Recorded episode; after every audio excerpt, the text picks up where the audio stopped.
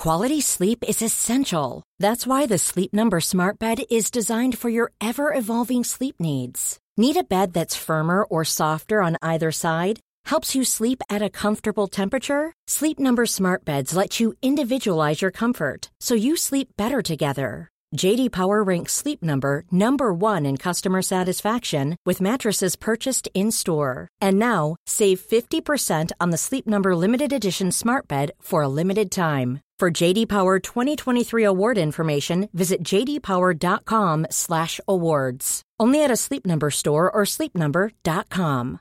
Hey, I'm Ryan Reynolds. At Mint Mobile, we like to do the opposite of what Big Wireless does. They charge you a lot, we charge you a little. So naturally, when they announced they'd be raising their prices due to inflation, we decided to deflate our prices due to not hating you. That's right. We're cutting the price of Mint Unlimited from $30 a month to just $15 a month.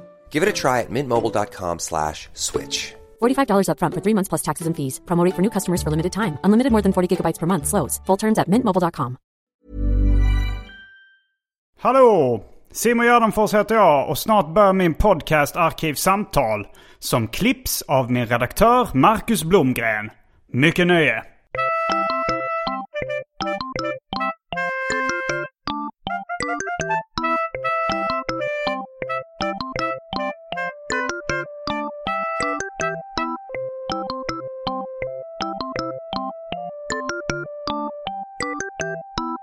Hej och välkomna till Arkivsamtal. Jag heter Simon Gärdenfors och med mig idag så har jag Fredrik Andersson.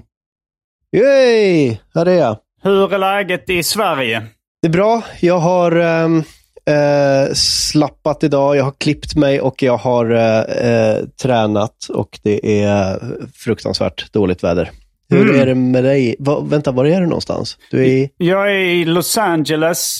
Uh, Culver City är väl den närmaste eh, kända stadsdelen. Men den heter Palms, en liten, liten stadsdel nära Culver City som jag befinner mig i. Okej, jag har ingen koll, men det låter som orter jag har hört om på tv. Ja. Jag har ju aldrig varit i USA. Nej, det är lite originellt. Ja, ja. Har du planer på att åka ut så. hit? Inga eh, konkreta, eh, jag, jag har inga biljetter, men Men- jag skulle väldigt gärna vilja någon gång. Mm. Hur kommer det sig att du aldrig varit i. USA? Jag tror att det har varit en fråga om pengar förut. Ehm, men nu, nu kanske jag har samlat ihop tillräckligt med pengar för att kunna åka en gång. Ja. Du har ju... jag var ju lite inne på att åka och hälsa på er i, eh, nu ju. Jag ja, och Lovisa eh, hälsa på er. Men, Din ehm, flickvän och eh, med er så menar du eh, min flickvän Andrea Lennartsson Det här är jag. korrekt. Mm. ja. men det trillade ju in en massa jobb. Så att jag, Ja, jag, ja, ja. eh, Så det, ja. Ibland är det ju så att om man har eh, jobb så har man pengar men ingen tid. eh, och tvärtom. Mhm, mhm. Men eh, efter nyår kanske. Men då är, inte, då är inte ni kvar, eller? Nej, då, eh, då har vi dragit eh, vidare. Mm. Till Men, eh, nästa exotiska land. Ja, vi funderar. Alltså, Andrea har fått stipendium till eh, Japan. Oh. Eh, så vi planerar att åka dit runt nyår faktiskt. Wow. Så det kommer bli, ja, det, det, det är ett jetset-liv kan man säga. Ja. Men är du inte rädd att tappa, vad ska man säga, jag är rädd att sluta stå på scen hela tiden, för jag är rädd att jag tappar eh, momentum eller att jag tappar, eh, ja men så här, så fort jag har ett uppehåll så, känner jag, så känns det som att nej, jag, har- jag har glömt hur man gjorde. Och det, Mm. sku, det, det känns som att man, även om man inte glömmer grundskämten så glöm, glömmer man alla krumbukter och krumelurer runt omkring och, och sådär. Så att jag är livrädd att, att ta pauser från, eh, från stand-up. Eh, jag är också livrädd för att ta pauser från stand-up. Jag hörde om Eddie Murphy. Han sa att det var det han ångrade mest i livet. Att han hade tagit en paus från stand-up. För att nu eh, har det varit Ja. så himla svårt att komma tillbaks. Han har ju snackat om att han Just ska det. komma tillbaks i år och dag. Men han har aldrig fått tummen ur. För att det är så hög tröskel nu. Eh, Men var det så att han trodde att han tog en liten paus bara och sen så blev det hela, hela livet? ja, för det är väl också det man är lite rädd för, att det skulle bli så om man bara att, ah, nej, nu, nu släpper jag det. Ja, det är ju, jo, jag är rädd för det. Eh, jag tror, jag är inte helt hundra på vad det var, vad Eddie Murphys plan var. Men det var väl, jag gissar på att det var så här, det går så himla bra med filmerna nu. Eh, och, jo, det, just och det. Mm. filminspelning tar så himla lång tid. Men en kille som Chris Rock till exempel, han var så rädd för att förlora det så han, han liksom efter en eh, så här 16 timmars eh, filminspelning så gick han ner till någon eh, lokal standupklubb och övade. Och folk var Ja. rätt imponerade. Fan pallar du det? Men eh, det är kanske det man måste göra. Det är trist om man tänkte så här, nej men jag kan ta en helg ledigt. En helg ledigt kan jag ta, det, det är inga problem. Och det är som en alkoholist då, som säger så här, "Ah, men ett glas vin till maten kan jag göra trots att jag slutat dricka. Och sen hamnar man på en Ja. sån binge med ett års blackout och drickande. Liksom. Ja, det, jag är också rädd för det. Men jag kör lite stand-up här i eh, LA. Ja. Så att eh, Hur, eh, hur går det då? det går dåligt.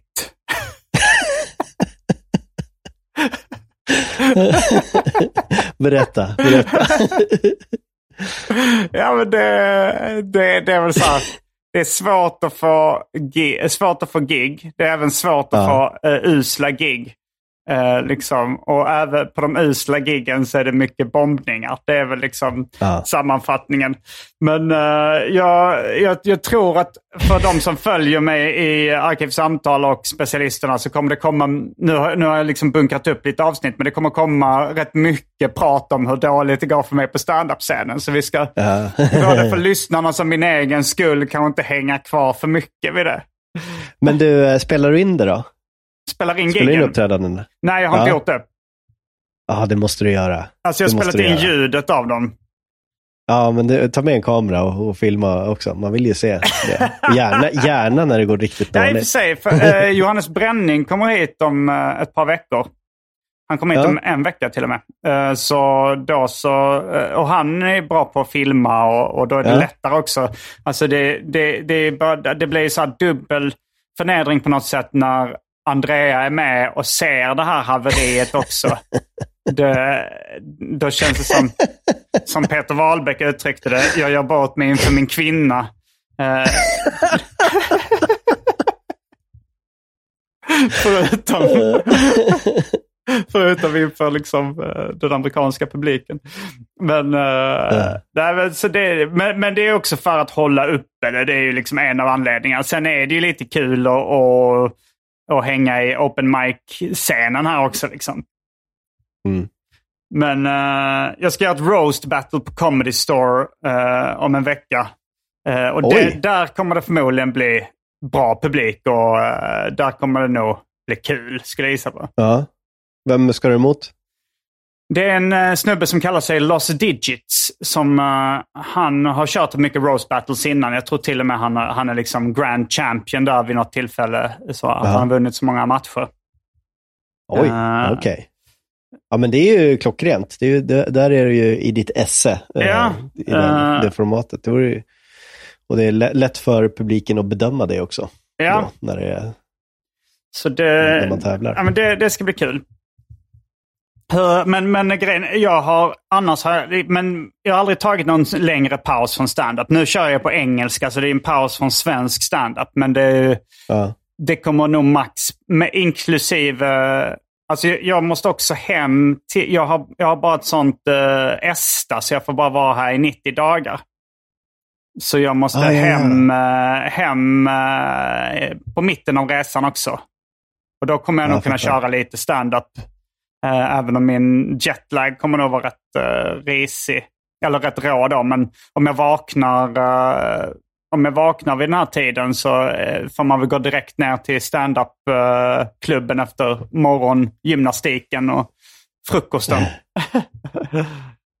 Just ja, du har ju din morgongymnastik. Ja. Ja.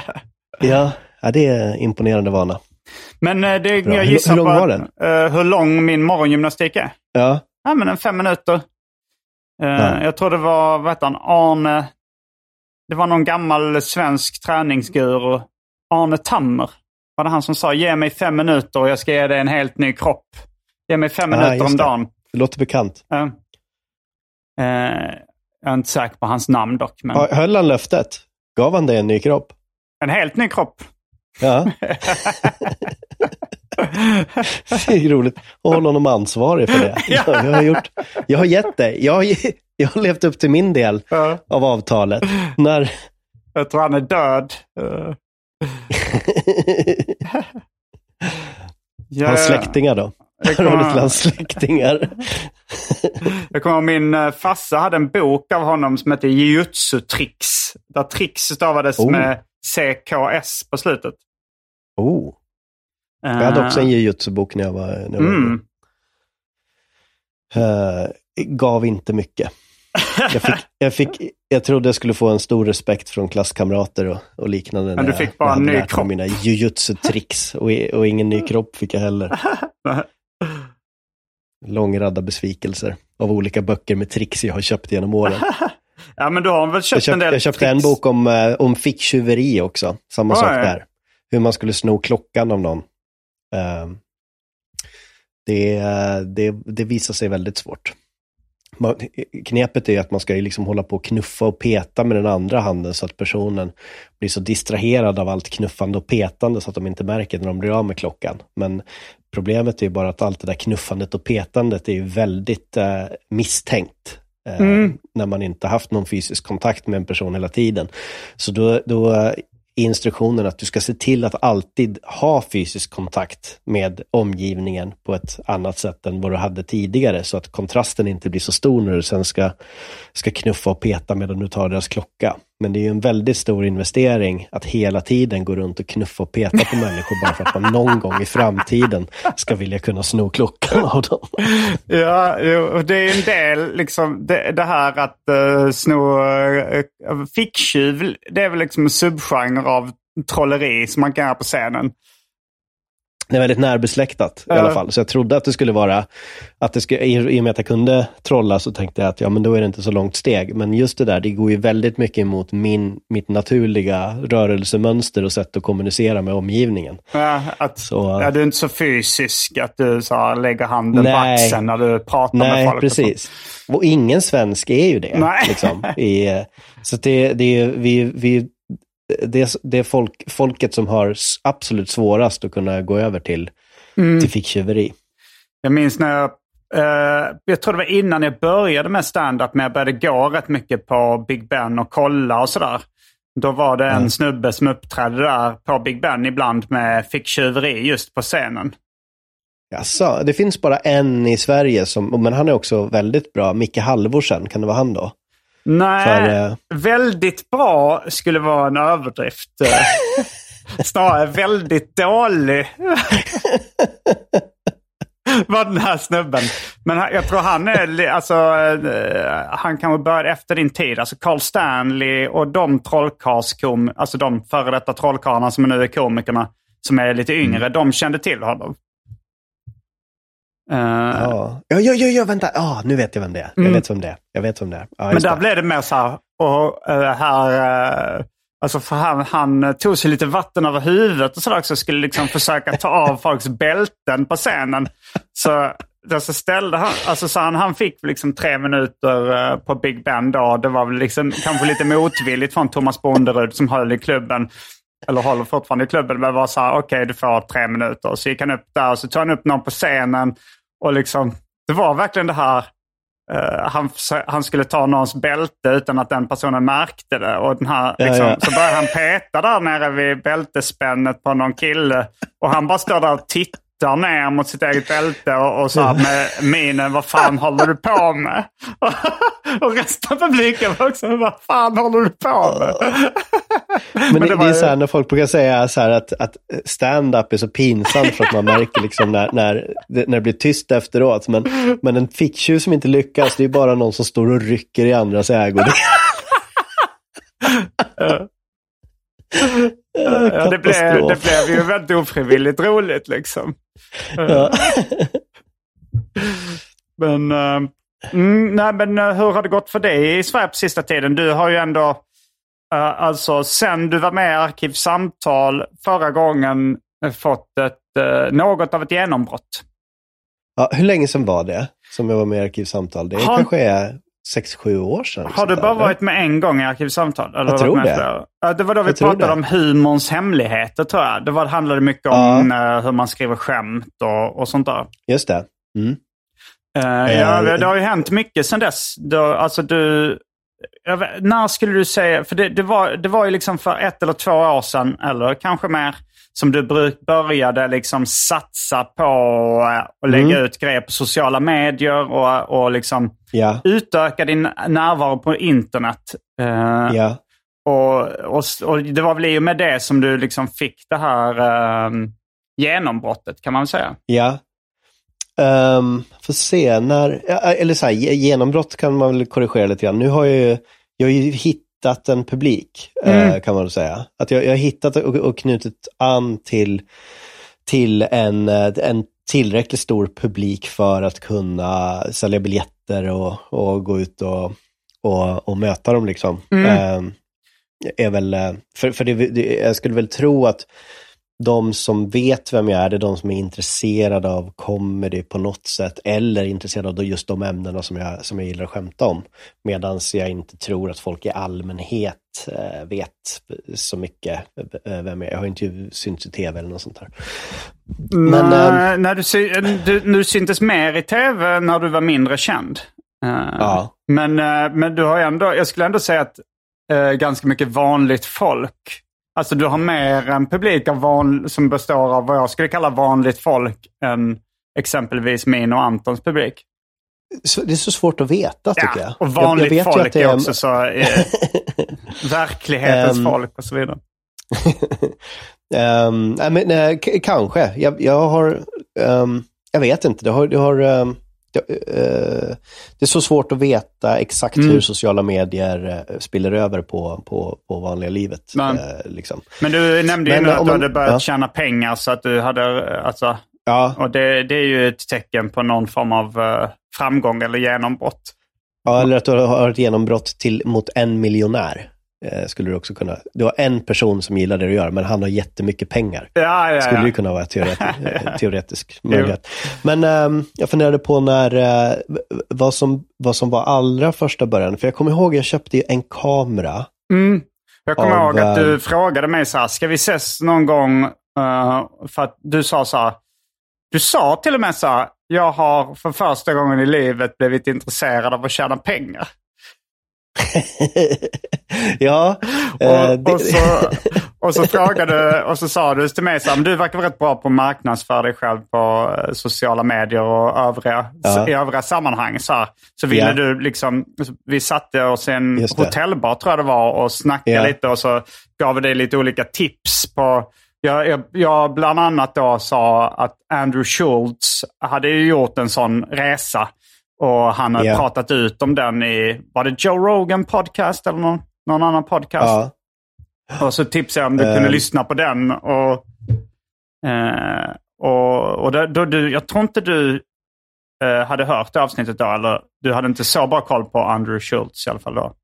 nej, ehm, får se nu. Men, eh, jag, må- jag måste bara backtracka lite grann. För det var, jag köpte en kamera något Mm. år tidigare.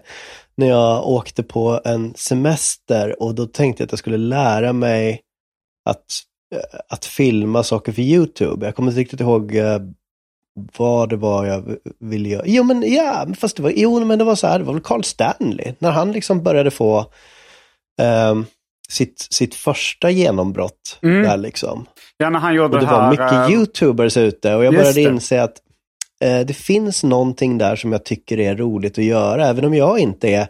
Jag, jag tänkte väl lite grann så här att jag, är- jag är inte intresserad av det de gör.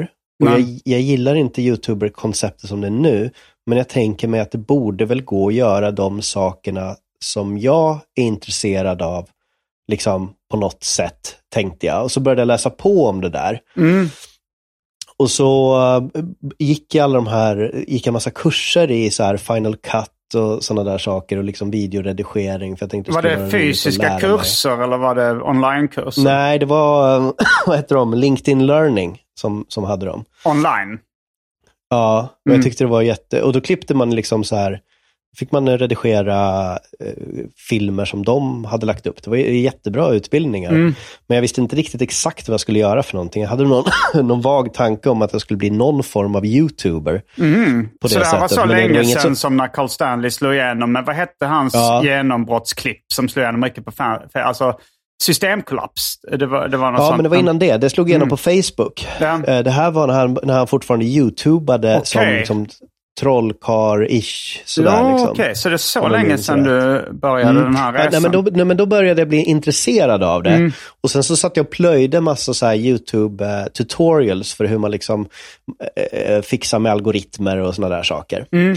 Men så, sen så släppte jag det helt och hållet.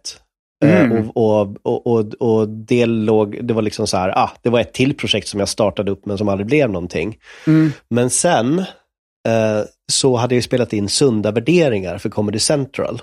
Just det. Eh, och sen så fick jag loss den, Comedy Central, och fick publicera det på min YouTube-kanal. Mm. För, eh, och när jag la upp den så fick den vad jag tyckte var mycket visningar då. Om det var 10 000 visningar eller någonting sånt där. Mm. Men sen så när, när den hade legat uppe en vecka och visningarna slutade komma in, det blev Mm. ingen mer, då kom jag ihåg så här att, ja men vänta ett tag, jag lärde mig hur man gör en thumbnail till, eh, till, till ett YouTube-klipp. Ja. Liksom.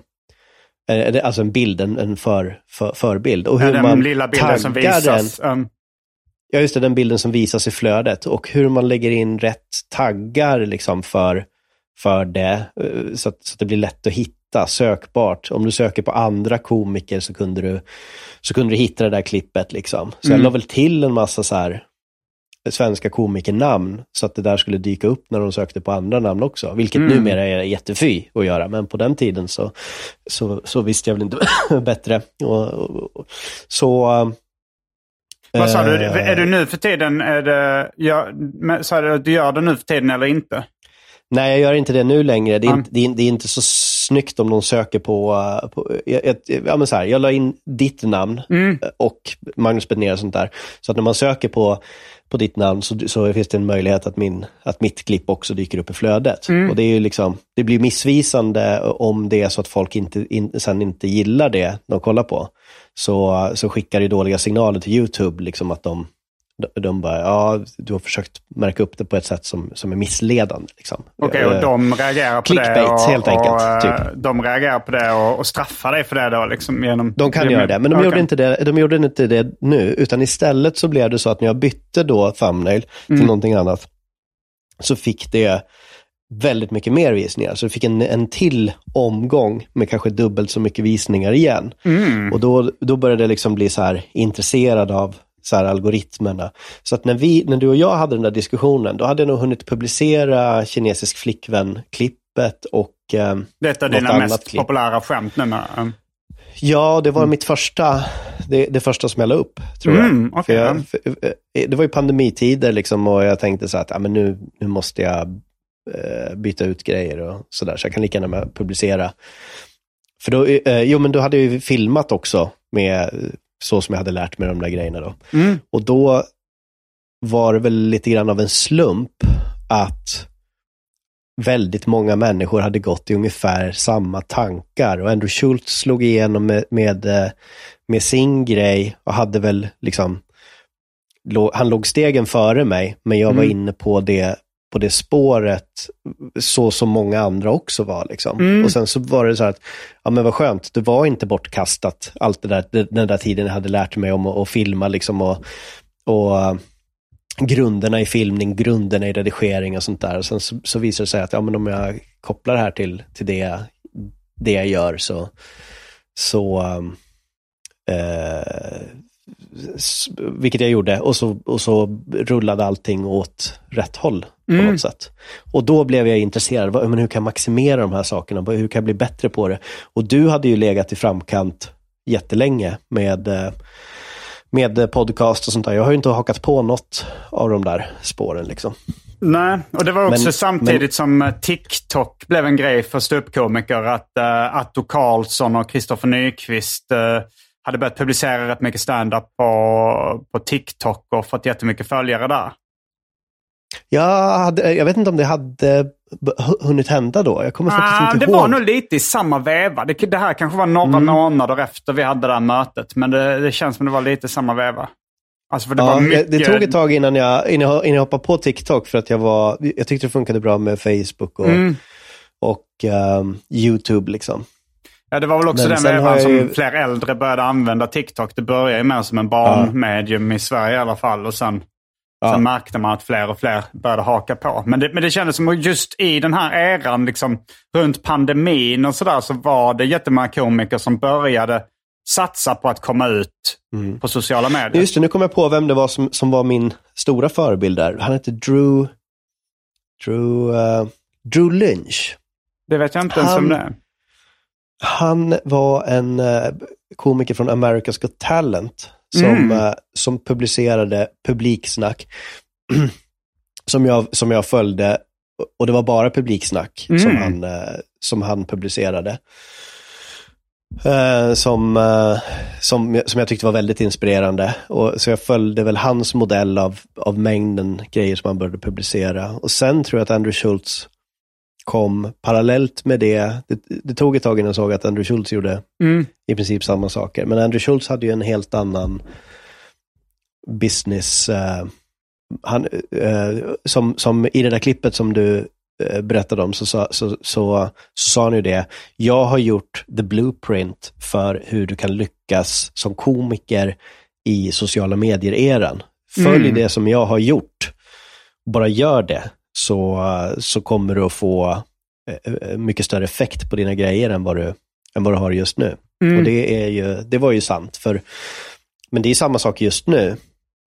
Att om man följer, eh, vad ska man säga, just nu är det ju Facebook som försöker ta över TikTok, eh, eller YouTube också, eh, försöker ju slå sig in på TikToks område. Menar du att Facebook gör det via Instagram Reels då, eftersom Facebook, eller numera Meta, Facebook, äger... och- Facebook gör det via Facebook Reels. Ah, de gör det. Så det inte, eh, ja, och, och då, eh, så att om du publicerar, jag har ju gjort lite jämförelser, om du publicerar någonting i, eh, som en reel, så Mm. får du Det heter uppskattningsvis Facebook dubbelt Reels, så många. alltså.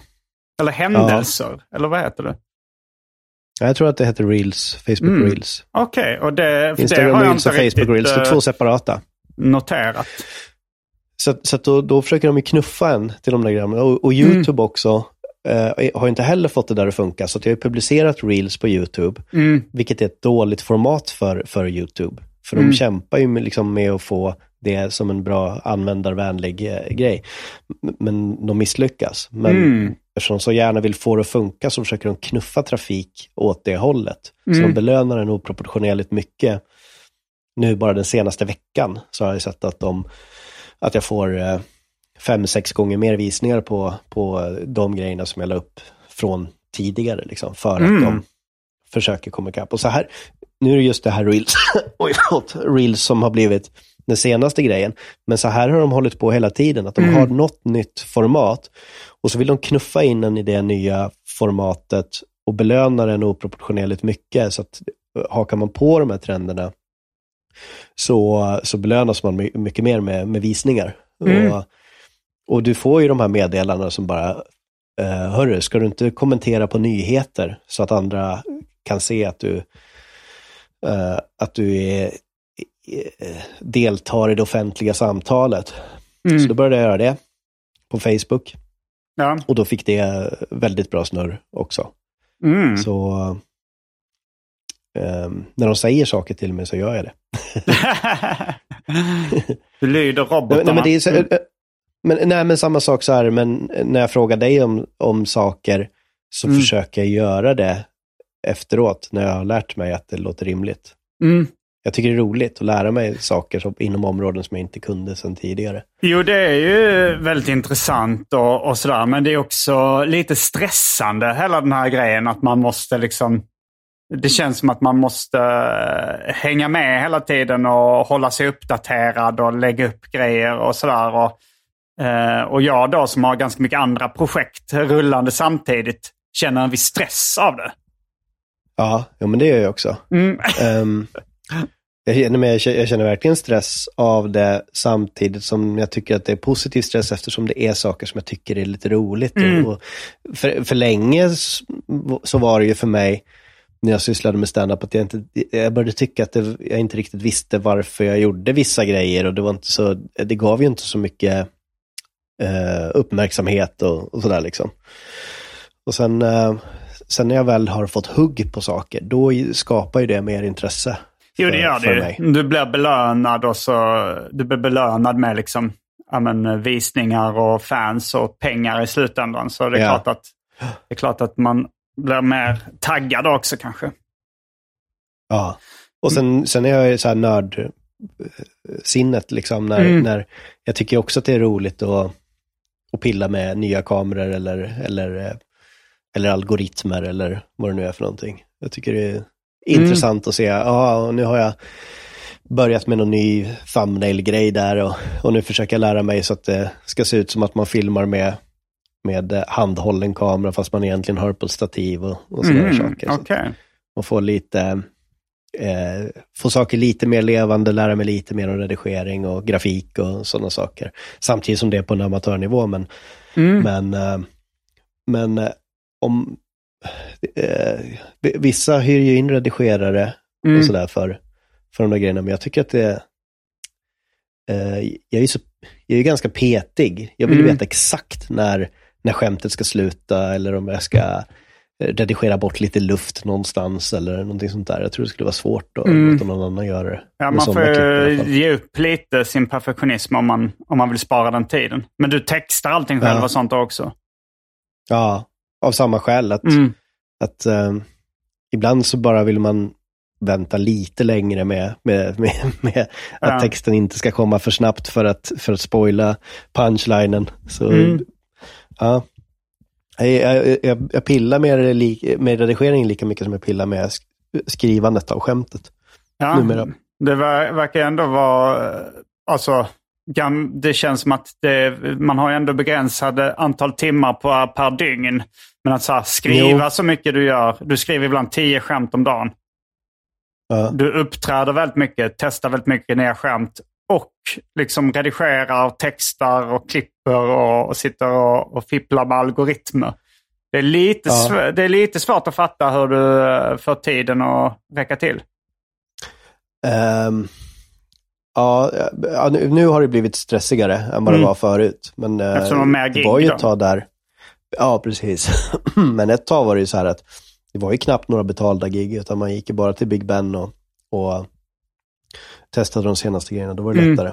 Men nu är det, är det stressigare och som du säger, man, man, eh, jag vill delegera saker eller, eller, eller slippa göra det helt och hållet. Men mm. då skulle jag väl hellre släppa ifrån mig sådana saker som att boka resor eller eh, eh, ja, vad är det mer? Allting runt omkring som är A lot can happen in the next three years. Like a chatbot may be your new best friend. But what won't change? Needing health insurance. United Healthcare Tri Term Medical Plans are available for these changing times. Underwritten by Golden Rule Insurance Company, they offer budget friendly, flexible coverage for people who are in between jobs or missed open enrollment. The plans last nearly three years in some states, with access to a nationwide network of doctors and hospitals. So, for whatever tomorrow brings, United Healthcare Tri Term Medical Plans may be for you. Learn more at uh1.com. Millions of people have lost weight with personalized plans from Noom like Evan, who can't stand salads and still lost 50 pounds. Salads, generally, for most people, are the easy button, right? For me, that wasn't an option. I never really was a salad guy. That's just not who I am. But Noom worked for me. Get your personalized plan today at Noom.com. Real Noom user compensated to provide their story. In four weeks, the typical Noom user can expect to lose one to two pounds per week. Individual results may vary. Hey, Dave. Yeah, Randy. Since we founded Bombus, we've always said our socks, underwear, and t shirts are super soft. Any new ideas? Maybe sublimely soft. Or disgustingly cozy. Wait, what? I got it. Bombus. Absurdly comfortable essentials for yourself and for those facing homelessness. Because one purchased equals one donated. Wow, did we just write an ad? Yes. Bombas. Big comfort for everyone. Go to bombas.com slash ACAST and use code ACAST for 20% off your first purchase. Som är mäckigt. Mm. Liksom. Ja, vi var ju på en turné i somras, du och jag och lite andra komiker. Och då, då, ja. då tog du på dig det, eh, alltså så här, att boka resor och sånt också åt alla. Ett fruktansvärt misstag. Jag, jag sa det så här, men vi måste väl hitta någon bokare som kan hjälpa oss med sånt. Och, och så letade vi lite och så sa du, ja men jag kan göra det. det. Och jag sa, ja, jag, ja, ja, om du vill göra det så, eh, så absolut, du kan få mer betalt och sådär. Nej, jag gör det gratis, sa du. Och, så, och sen så visste jag, alltså jag har ju själv råkat ta på mig eh, så här, producentroller ibland och det, det är aldrig någonting man inte ångrar. Det är alltid någonting man ångrar. Jag, jag, jag, har inte, jag, har ju, jag har inte gjort det förut. Det var första gången jag gjorde den Ja, missen. jo. Men, men ald, aldrig igen. Nej, men eh, det kan, alltså jag, jag har sagt aldrig igen eh, två, tre, fyra gånger liksom. Och jag kommer alltid på så här, okej jag lovar mig själv, jag ska aldrig mer vara arrangör för något event eller sådär. För det är så himla stressigt och jobbigt och otacksamt liksom. ja. Eh, men sen så ibland är det så här, ah, men ska vi inte eh, göra en roast battle, uh, arrangera en sån kväll? kväll så här, jo men det är ja, kul. just ja. Vi gjorde det och då, det var ju efter jag hade lovat mig själv att aldrig mer arrangera någonting. Och, eh, och då så var det så åh fy helvete vad stressigt det var och jobbigt. Det blev ju kul kväll liksom men, men eh, bara liksom att vara med och arrangera och ha ansvar och sånt där för, för eh, allt det praktiska. Det, är liksom, det lovar mig själv. Och, och folk skriver ibland så här, vill du vara med och starta en klubb eller vill du vara med och göra det och det? Och det nu så börjar det nej, nej jag, vill inte, jag vill inte vara arrangör på något sätt. Nej. Men det, men det gäller väl också ganska mycket så att veta när man ska säga nej till saker, även om de är, kan låta frestande och intressanta till en början, särskilt när man har mycket energi. Om man, och, eh, jag vet ju att om någon frågar mig vid fel tillfälle så, och, och man liksom känner sig pigg och stark, så då kan man ju åka på några fruktansvärda saker att behöva göra.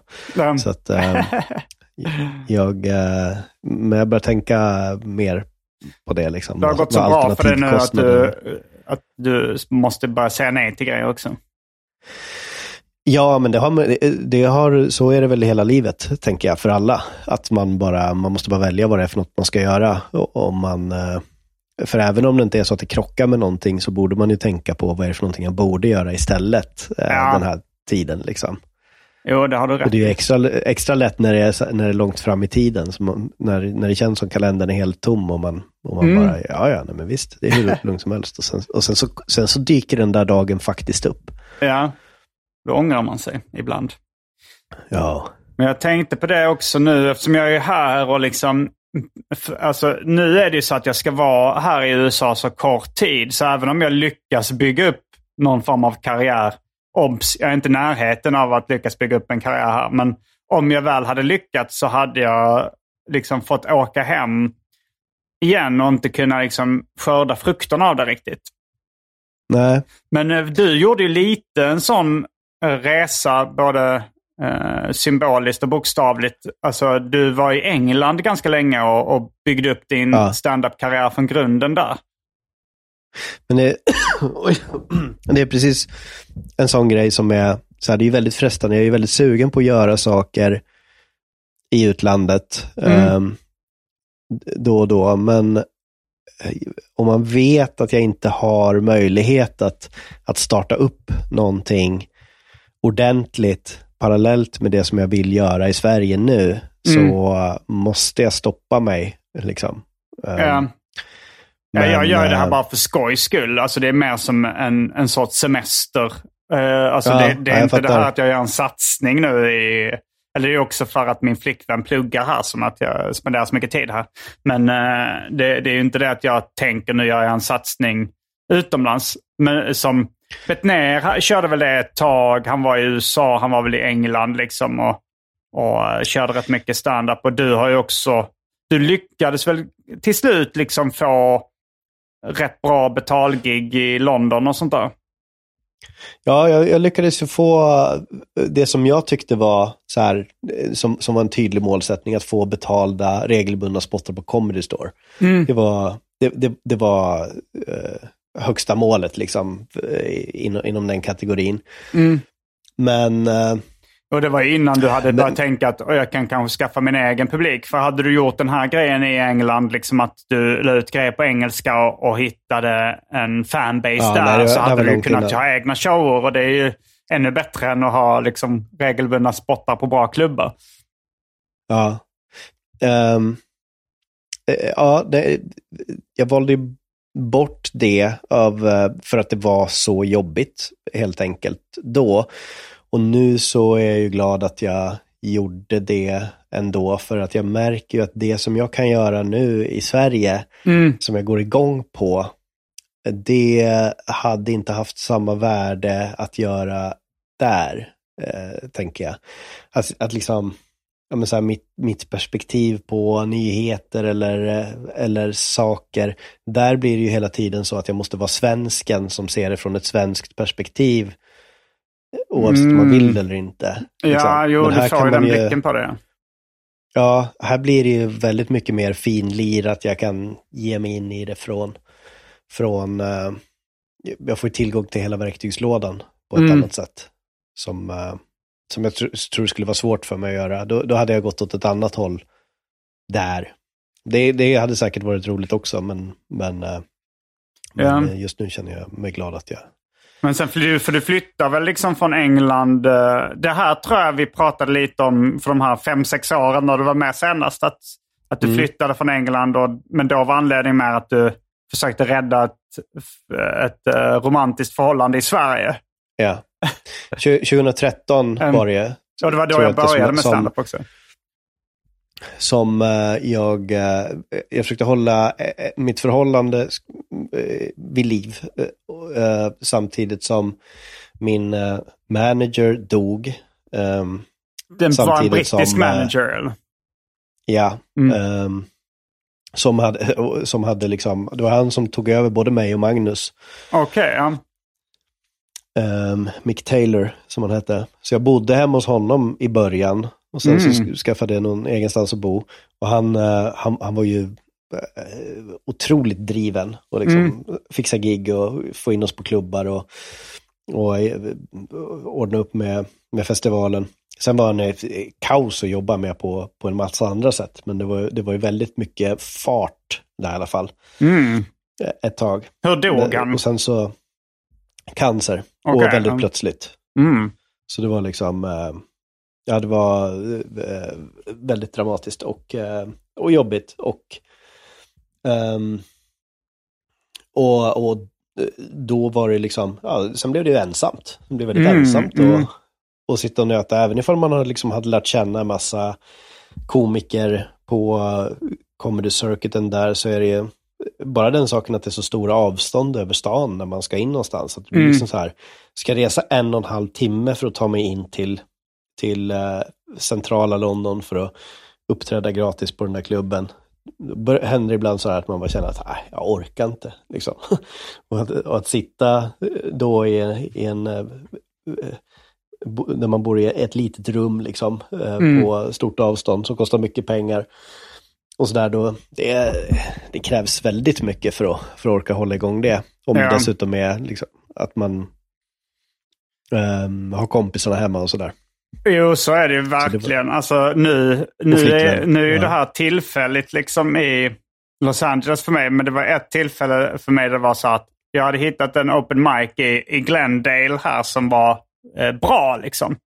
Men numera är det så att man betalar 5 dollar för att, ungefär typ mellan 2 och 5 dollar för att köra en open mic. Det har blivit så Ja, hög konkurrens. Ja, så det har blivit så hög konkurrens att alla open micers gör det. liksom. Men då var det så här, okej det stället låg extremt långt bort också. Men jag tänkte, ja men det, det var den enda som var riktigt bra. Så då var det så att jag åkte kommunalt i två timmar. Ställde mig i en Ja. kö i 40 minuter för att då få betala fem spänn för, eller 50 spänn för att uppträda. Och sen så när jag kom fram i den 40 minuter långa kön så sa han tyvärr nu är det fullt. Nu är det inga fler som får uppträda. Oh, ja. Så det är ett exempel på hur, hur det går för mig med stand-upen här. på det stora hela.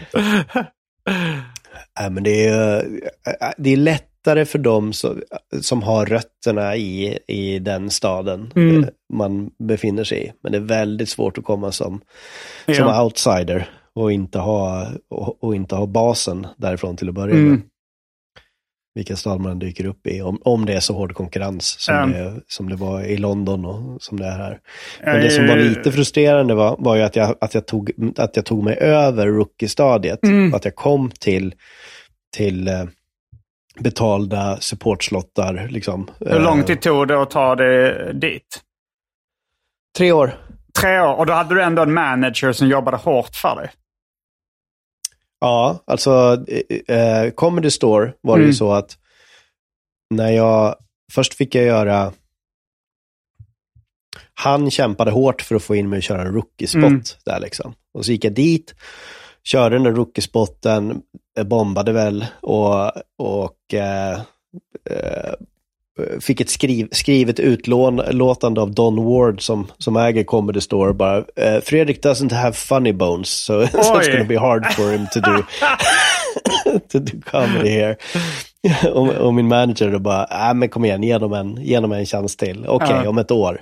Ah. Så eh, då fick jag vänta ett år innan jag fick fy eh, nästa eh, open spot, Mm. där då, fem minuter. Så gjorde jag den och jag tyckte att, jag, att det gick jättebra. Men eh, då sa han, ja det är bättre, men eh, kom tillbaka om ett år. eh, så två år senare så gjorde jag en Det till. låter som en Bröderna så- Grimm-saga eller något sånt där. Ja. Nej men och sen så, sen så, så, så byttes det liksom och sen så eh, hans attityd. Eller om man ens kom ihåg att det var samma kille från första gången, Mm. oklart. Och sen så fick jag eh, betalda spottar där Mm. och på andra klubbar. Som eh, fanns någon kedja, eh, eller finns en kedja som heter Glee, som också är liksom som Comedy Store. Eh, alltså storleksmässigt och, och, och kvalitetsmässigt. Mm. Som, eh, som, som jag fi, fick bra spottar och fick headlina vid några tillfällen. Och sånt här. Så det var jätteroligt. Men eh, Nej jävlar ändå vilken Eh, det. uthållighet. Alltså, jag läste någon stand-up-bok eller något sånt de sa. De två viktigaste egenskaperna eh, när, om du vill bli stand-up-komiker det är disciplin och uthållighet. ja, det det, så. lå, det låter så på dig också. Men, men så var det, alltså, jag tänkte också på, jag sa någon, jag, är- jag är inget större fan av eh, Kevin Hart, men han är ju liksom en av de mest, kanske den mest framgångsrika ståuppkomikern just nu. Och han berättade om när han gjorde sin första, första audition till, jag vet inte om det var Comic Strip eller om det var The Improv eller någonstans. Men, men att han, han också fick ett sånt utlåtande då när han körde sitt set inför ägaren. Så, sa, så han skakade Ja. bara på huvudet och sa I just don't see it. See it. Och så frågade han, see, eh, see what? frågade han. Så svarade han, potential. Han, tyck, han tyckte inte ens att han hade potential liksom att bli rolig. Det var rätt hårt utlåtande. Det är Don lite som Ward det här med en- funny en- bar, funny bone. Att det också måste vara rätt Ja. hårt. Men du, Ja, det är väldigt tur att du hade uthålligheten och disciplinen. Ja. Sen, eh, han, hade, han hade en grej som han brukar, en härskarteknik han brukade köra med rookie-komiker. Där, Ja. där, som, när, om man tyckte att någon faktiskt hade potential, vilket Mm. jag, Ja. jag då inte hade i början. Då fick man följa med in på, på hans eh, kontor då, så eh, pekade han på den här väggen med alla kända Mm. komiker som, som körde på Comedy Store. Och så sa han, vilken av de här tycker du att jag borde peta ut för att du ska få plats?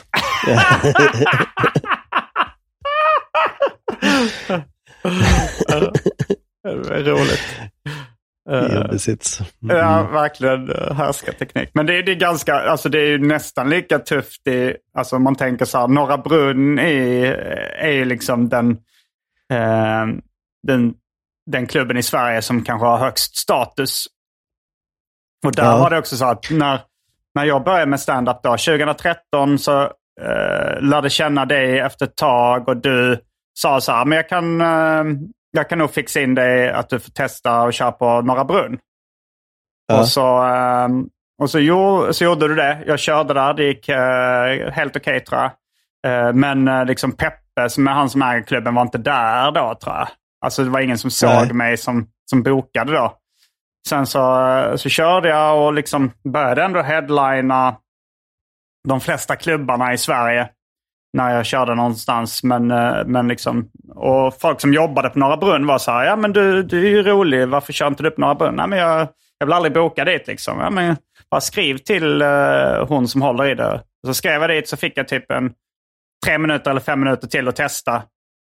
Hörde aldrig någonting från dem igen.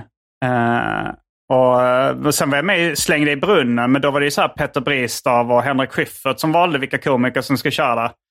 Då körde jag där ja. uh, två gånger.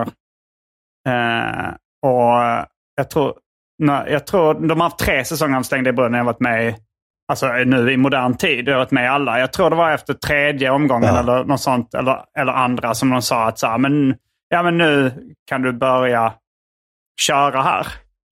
Uh, Men det, det, det, är det som är för och nackdelen. Alltså um, I Sverige så är det ju så att det finns ju inte någon som har tagit på sig ansvaret på det sättet att vara en institution på det sättet. Comedy som, Store, uh, mm.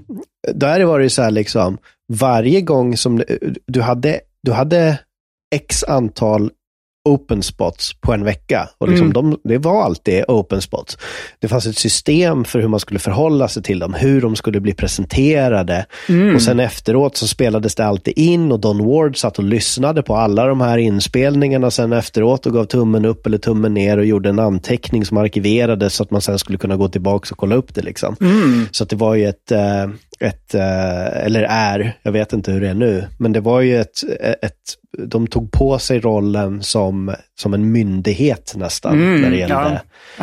Ja. um, och det är ju någonting som, uh, det finns ju inte riktigt någon motsvarighet för det i Sverige, där man liksom så tar på sig rollen att bara, ja, eh, här, här ska vi ta fram, uh, det är vårt samhällsansvar liksom. Och, och, utan, utan Norra Brunn är ju en, en familjeägd restaurang. Mm. liksom.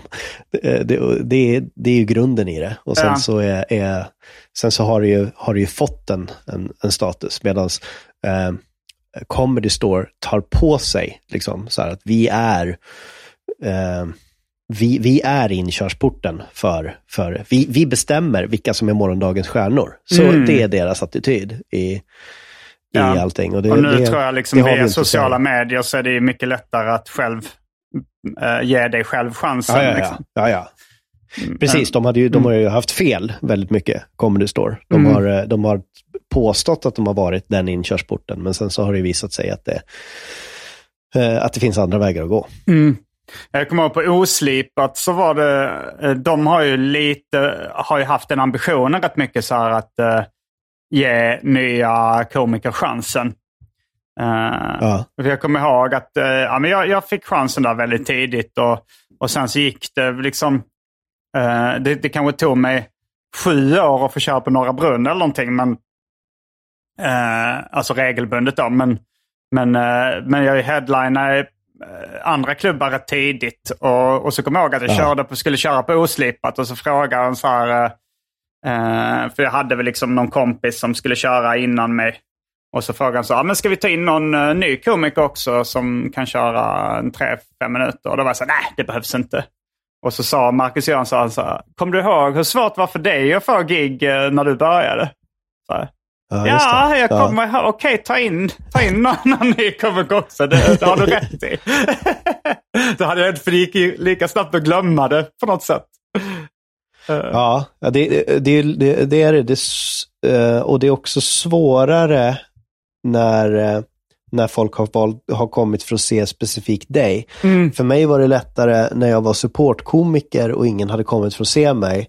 Mm. Då var det lättare för mig att ta med mig en rookie-komiker som kunde köra 3-5 minuter innan mig och jag kunde dela med mig av, av min tid. Medan nu så, så oftast så märker jag att, eller ofta märker jag att det kan vara så att det, är, att det är för många komiker på en kväll om det är så att publik, om jag vet att det har kommit folk för att se mig. Mm.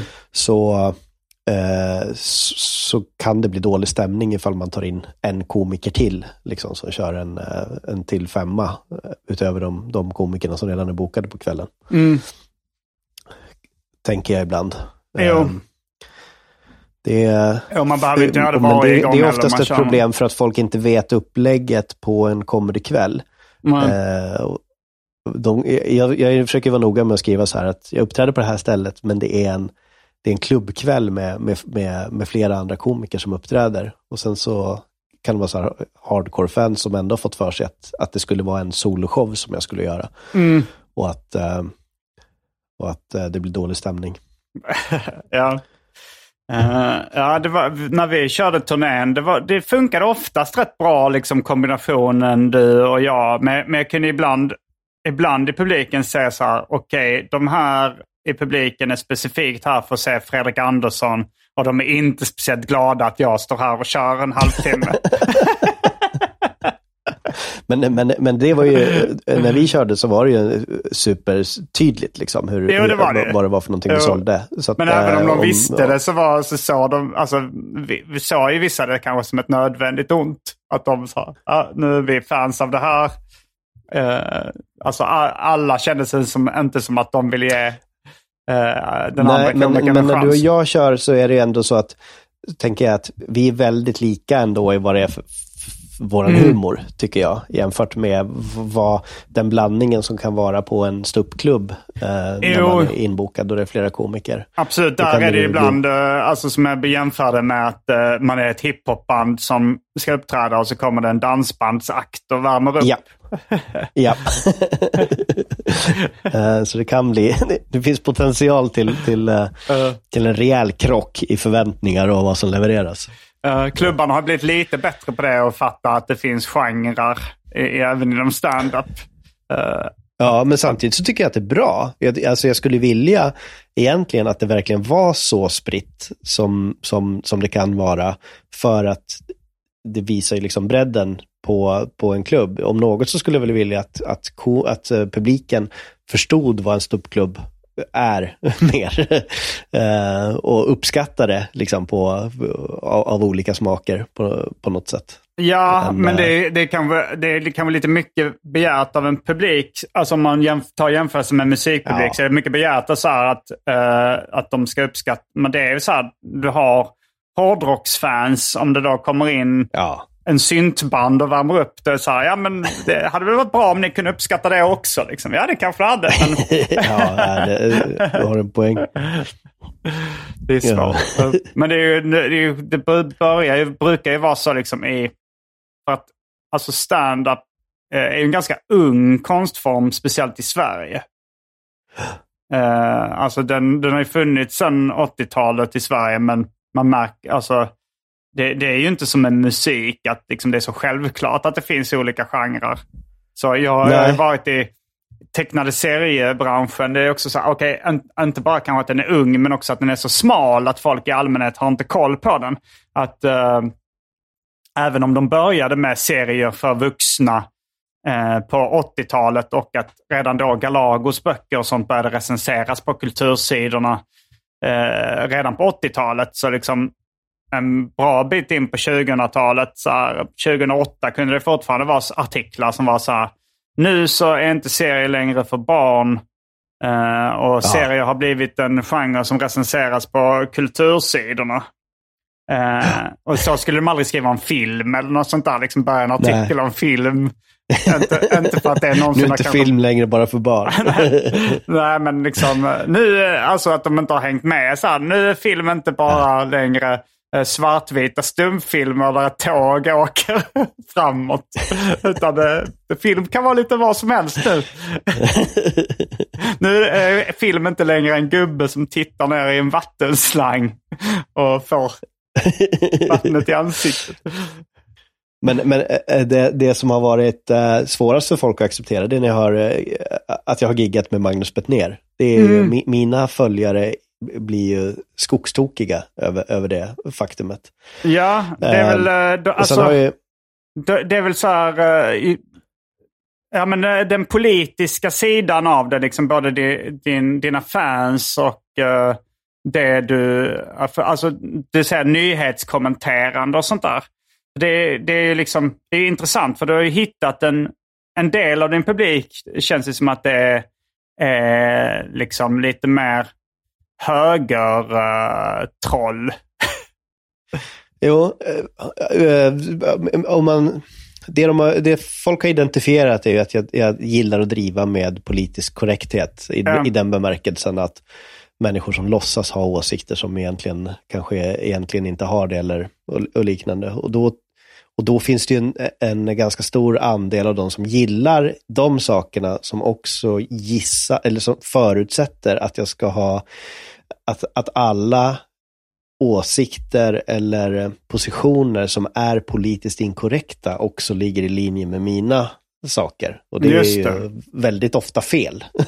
Så folk kan bli, folk, har ju potentialen att göra folk väldigt besvikna och arga eh, efter att de först har hittat något som de gillar. Och sen eh, eh, längre ner på tidslinjen så, så gör jag någonting som de inte gillar. Och så bara, hur kan du göra så här? Jag trodde du var bättre än så här. Eller vad de nu väljer att säga för någonting. Så att eh, jag får ta, jag får ju ta emot en väldigt stor mängd ilska från en massa människor som, som gör det från perspektivet att de trodde att vi var överens.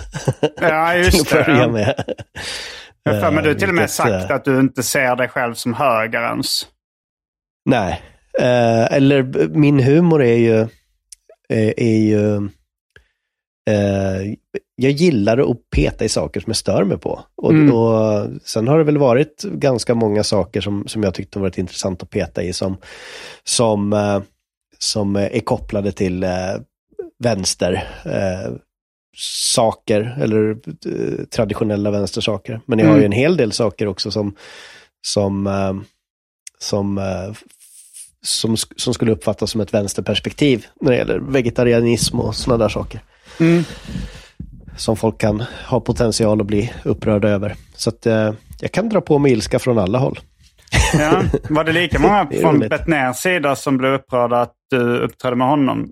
Eller jag uppfattade det som att det var fler från, alltså av dina följare som blev sura för att du uppträdde med Nej, Magnus Betnér? definitivt från mitt, från mitt håll. Men, Mm. men, eh, eller från mitt håll, men det är väl också så att Magnus har dragit på sig väldigt mycket ilska från en stor mängd eh, vanliga människor som också inte identifierar sig som höger nödvändigtvis, men bara inte håller med om honom om de sakerna som han har gått ut med Ja. eh, genom åren, tänker jag.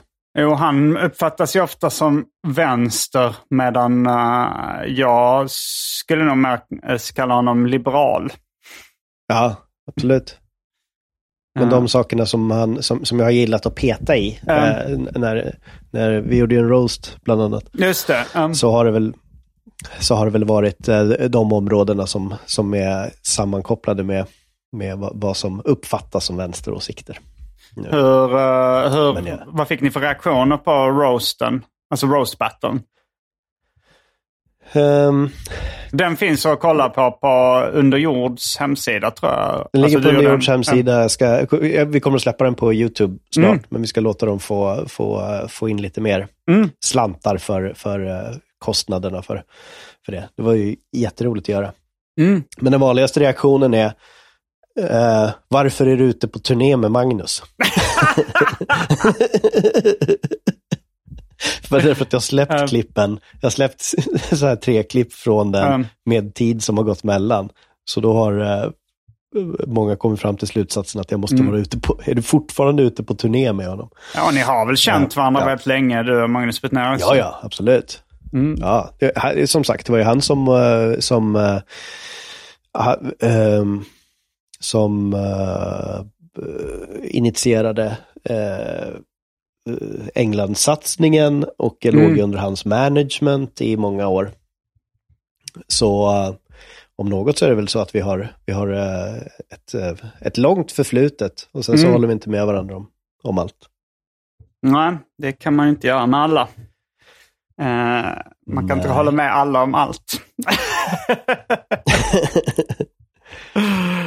ja, eh, ska, vi, ska vi börja avrunda den här ordinarie delen av, uh, av Arkivsamtal? Eh, jag jag Jo, gissar att du, att du är jättesugen på att spela in lite Patreon-exklusivt också efter det här. Ja, men det ska bli Mm. med en stor glädje. Har du någonting du vill göra reklam för? eh? Jag gör väldigt lite reklam nu eftersom jag är så mycket i Amerika här. Så att det är lite svenska gig och göra reklam för. Jag har en ny, en ny stand-up special som jag hoppas ni inte missat att den ligger på YouTube. Uh, uppvigling en hel timme gratis på YouTube som ni kan kolla in där. Men vad har du? Um, nej, men jag föreslår väl att man kanske tittar in på något av dem. Jag åker runt till en massa städer och säger skämt. Uh, till hälften uh, sprillans nya och till hälften uh, gamla. Mm. Och håller på och bygger en ny timme liksom. Med, som som förhoppningsvis blir en ny special i, i framöver.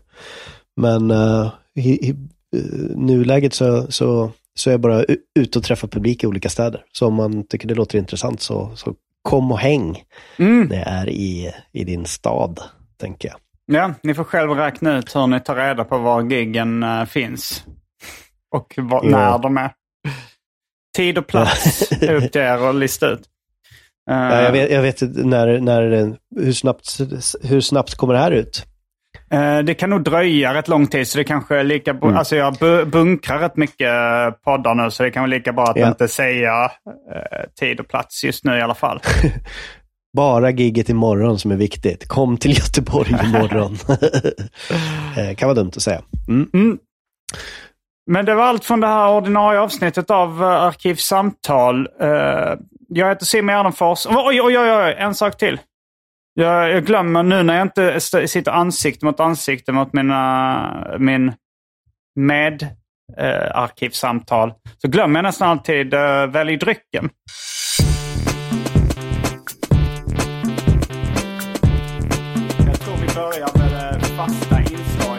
Välj drycken!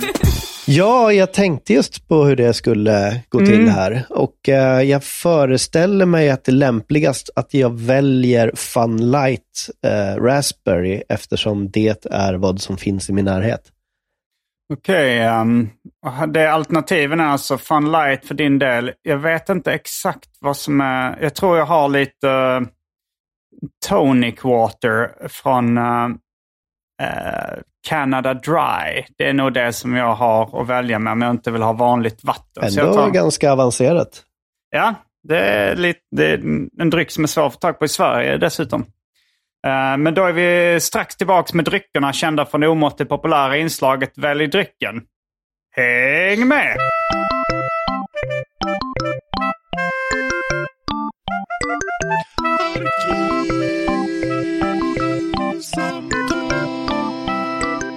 Då är vi tillbaks med dryckerna kända från det omåttligt populära inslaget Välj drycken. Jag har um, Canada Dry Zero Tonic Water. Och du hade Fun Light. Fun Light, eh, jag kommer inte ihåg ifall det är Redberries eller Raspberries. Nej. Eh, ja, det har ju blivit mer en tvångsmässig handling det här med välj drycken. Också för att inte göra lyssnarna besvikna som har eh, vant sig vid Jag är- att det alltid kommer ett välj drycken. Eller det är nästan alltid. Jag Jag är också väldigt förtjust i, i rutiner. Mm. Ja, där har vi ju Jag tycker kanske något inte om att gemensamt. bryta rutiner. Mm. Ja, ja, just det, men det kan jag tänka mig. Det kan vi prata mer om i det Patreon-exklusiva avsnittet av våra eh, potentiella eh, eller eventuella diagnoser. Eller vad man tror att man hade fått för diagnos om man hade undersökt sig. Ja, just det. Mm. Men eh, ja, så det här är inte Patreon-exklusivt det som vi gör nu? Nej, vi avslutade med väl drycken för det kommer i det vanliga avsnittet. I see. Så I see. eh, det var allt från den här veckans avsnitt av Arkivsamtal. Varje vecka så släpper jag ett bonusavsnitt av den här podden exklusivt för er som donerar en valfri summa per avsnitt på patreon.com arkivsamtal. Patreon.com arkivsamtal alltså. Det finns redan över 40 exklusiva avsnitt som du får tillgång till. Så det är mycket kul för valfri slant. Vill du bara vara schysst och säga tack för åratal av underhållning så kan du även swisha en slant på 0760 72 47 28. All denna info finns även i avsnittsbeskrivningen. Och glöm inte att följa mig på Instagram och andra sociala medier. Där bjuds det på gratis skämt och mycket annat. Jag heter Simon Gärdenfors. Och jag heter Fredrik eh, Andersson. Tack för att jag fick hälsa på. Fullbordat samtal.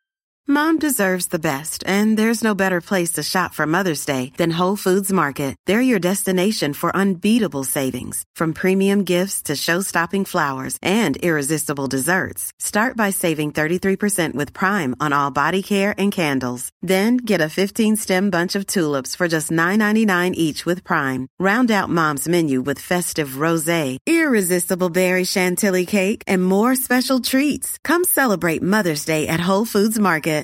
Planning for your next trip?